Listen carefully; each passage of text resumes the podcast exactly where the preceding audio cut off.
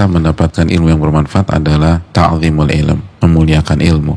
Imam Malik tuh kalau mau menyampaikan ilmu, maka beliau berwudu dan beliau duduk di kursi yang baik. Lalu beliau merapikan janggutnya. Lalu beliau duduk dengan penuh wibawa. Lalu dikatakan kepada beliau, kenapa engkau sampai seperti itu sih? Kalau bahasa kita kok ribet banget? Kata beliau apa? Rahimahullah ta'ala Aku ingin memuliakan hadis Rasulullah SAW. Aku ingin ta'zim kepada ilmu dan aku tidak ingin meriwayatkan hadis kecuali dalam kondisi bersuci dan dalam posisi yang terbaik.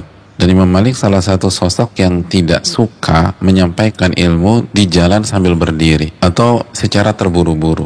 Emang nggak boleh? Bukan nggak boleh. Ini kita nggak bicara tentang halal haram. Ini bicara di level yang lebih tinggi Artinya kalau nggak ada bangku, nggak apa-apa bisa berdiri. Jangan lesehan di tengah jalan juga. Ini bukan tentang sebatas mengerti, ini tentang memuliakan. Barang siapa yang tidak memuliakan ilmu, Allah nggak akan muliakan dia dengan ilmunya. Sehingga kita dapat ilmu yang bermanfaat dan Allah muliakan kita. Yarfa'illahu alladhina amanu minkum walladhina utul ilman darajat. Allah akan mengangkat orang-orang beriman dan berilmu beberapa derajat. Surat Al-Mujadilah 11.